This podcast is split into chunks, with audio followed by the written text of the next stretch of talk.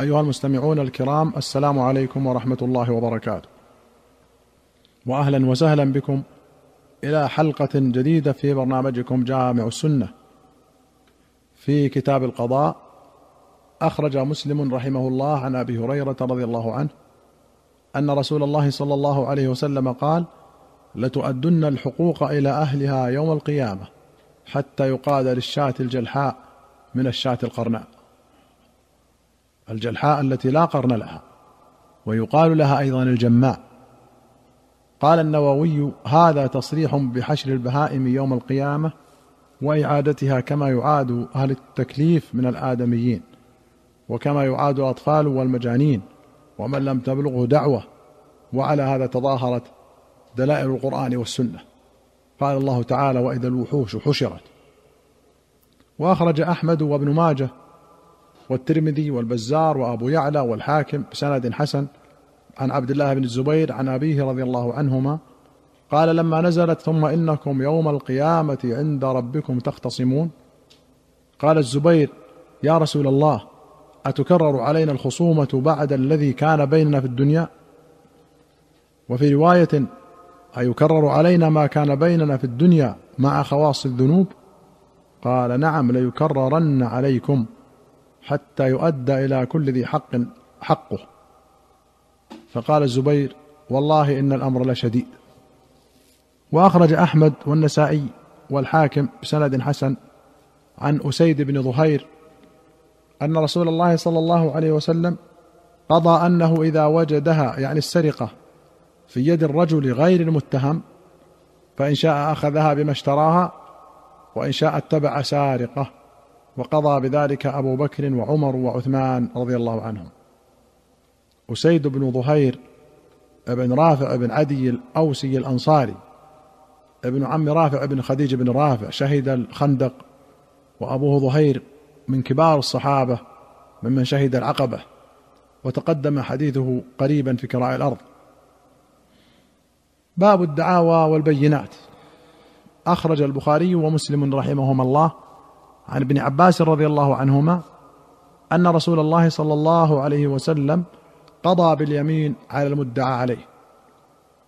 ولمسلم أن النبي صلى الله عليه وسلم قال لو يعطى الناس بدعواهم لادعى ناس دماء رجال وأموالهم ولكن اليمين على المدعى عليه.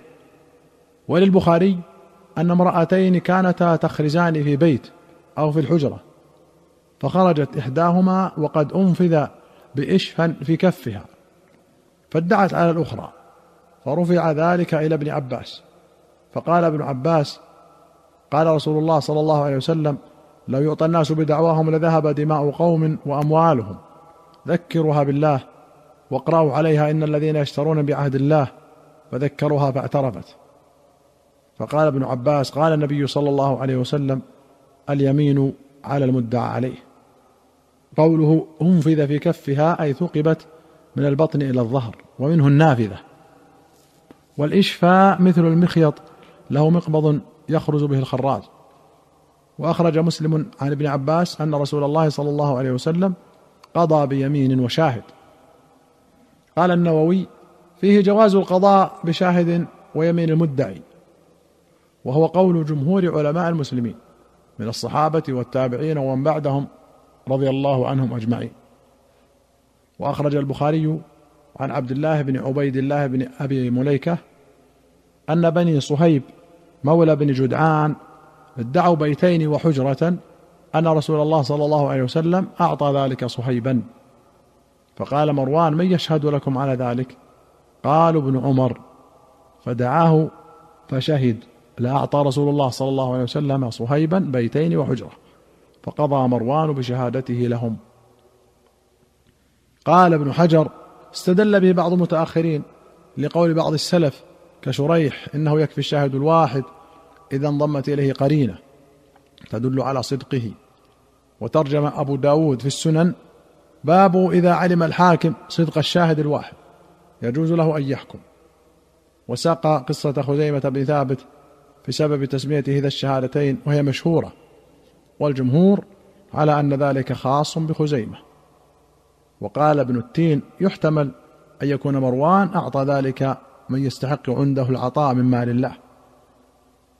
وأخرج البخاري عن أبي هريرة أن النبي صلى الله عليه وسلم عرض على قوم اليمين فأسرعوا فأمر أن يسهم بينهم في اليمين أيهم يحلف.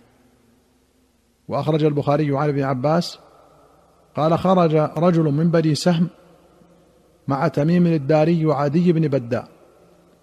فمات السهمي بأرض ليس بها مسلم. فلما قدم بتركته فقدوا جاما من فضة مخوصا بذهب.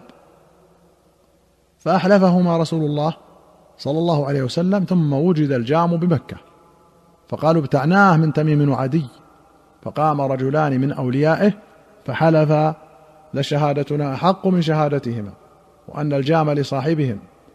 قال وفيهم نزلت هذه الآية يا أيها الذين آمنوا شهادة بينكم إذا حضر أحدكم الموت حين الوصية. تميم وعدي كانا نصرانيين وأسلم تميم فيما بعد ولم يسلم عدي. والجام هو الكأس والمخوص هو المنقوش بخطوط طويلة كالخوص وهي ورق النخل. ورجلان من اوليائه أي من أولياء السهمي الميت وهما عمرو بن العاص. والآخر قيل هو المطلب بن وداعة رضي الله عنهما. ومعنى قوله الأوليان أي الأحقان بالشهادة لقرابتهما ومعرفتهما. وأخرج البخاري ومسلم عن أبي وائل عن عبد الله بن مسعود أن النبي صلى الله عليه وسلم قال من حلف على يمين صبر يقتطع بها مال امرئ مسلم هو فيها فاجر لقي الله وهو عليه غضبان. وفي رواية أنه صلى الله عليه وسلم قال من حلف على مال امرئ مسلم بغير حقه لقي الله وهو عليه غضبان قال عبد الله ثم قرأ علينا رسول الله صلى الله عليه وسلم مصداقه من كتاب الله عز وجل إن الذين يشترون بعهد الله وأيمانهم ثمنا قليلا إلى آخر الآية. قال فدخل الأشعث بن قيس الكندي فقال ما يحدثكم أبو عبد الرحمن؟ قلنا كذا وكذا. قال صدق أبو عبد الرحمن. كان بيني وبين رجل خصومة في بئر فاختصمنا إلى رسول الله صلى الله عليه وسلم. فقال رسول الله صلى الله عليه وسلم شاهداك أو يمينه. وفي رواية بينتك أو يمينه. قلت إنه اذا يحلف ولا يبالي. فقال رسول الله صلى الله عليه وسلم من حلف على يمين يستحق بها مالا وهو فيها فاجر لقي الله وهو عليه غضبان فأنزل الله تصديق ذلك. ثم اقترأ هذه الآية. إن الذين يشترون بعهد الله وأيمانهم ثمنا قليلا إلى آخر الآية. قوله يمين صبر هي التي تلزم ويجبر عليها حالفها. يقال أصبره اليمين أي أحلفه بها في مقاطع الحق. وأخرج ابن ماجة وأبو داود والبزار والدار قطني والحاكم والبيهقي في السنن بسند حسن عن أبي هريرة رضي الله عنه أن النبي صلى الله عليه وسلم قال لا تجوز شهادة بدوي على صاحب قرية. قال الخطابي كره شهادتهم لجهالتهم بأحكام الشريعة وعدم ضبطهم للشهادة. وقال مالك من يشهد بدويا ويدع جيرته من أهل الحضر عندي مريب. وقال القرطبي كونه بدويا ككونه من بلد آخر. وقال عامة العلماء شهادة البدوي إذا كان عدلا يقيم الشهادة على وجهها جائزة. وأخرج البخاري عن عبد الله بن عتبة بن مسعود الهذلي قال سمعت عمر بن الخطاب يقول إن اناسا كانوا يؤخذون بالوحي في عهد رسول الله صلى الله عليه وسلم وإن الوحي قد انقطع وإنما نأخذكم الآن بما ظهر لنا من أعمالكم فمن أظهر لنا خيرا أمناه وقربناه وليس إلينا من سريرته شيء. الله يحاسبه بسريرته. ومن أظهر لنا سوءا لم نأمنه ولم نصدقه. وإن قال إن سريرته حسنة. أخرجه في باب الشهداء العدول. وقال القرطبي في التفسير قوله تعالى ممن ترضون من الشهداء يدل على أن في الشهود من لا يرضى. فيجيء من ذلك أن الناس ليسوا محمولين على العدالة حتى تثبت لهم. وذلك يقتضي قطعا أن العدالة معنى زائد على الإسلام. وهذا قول الجمهور.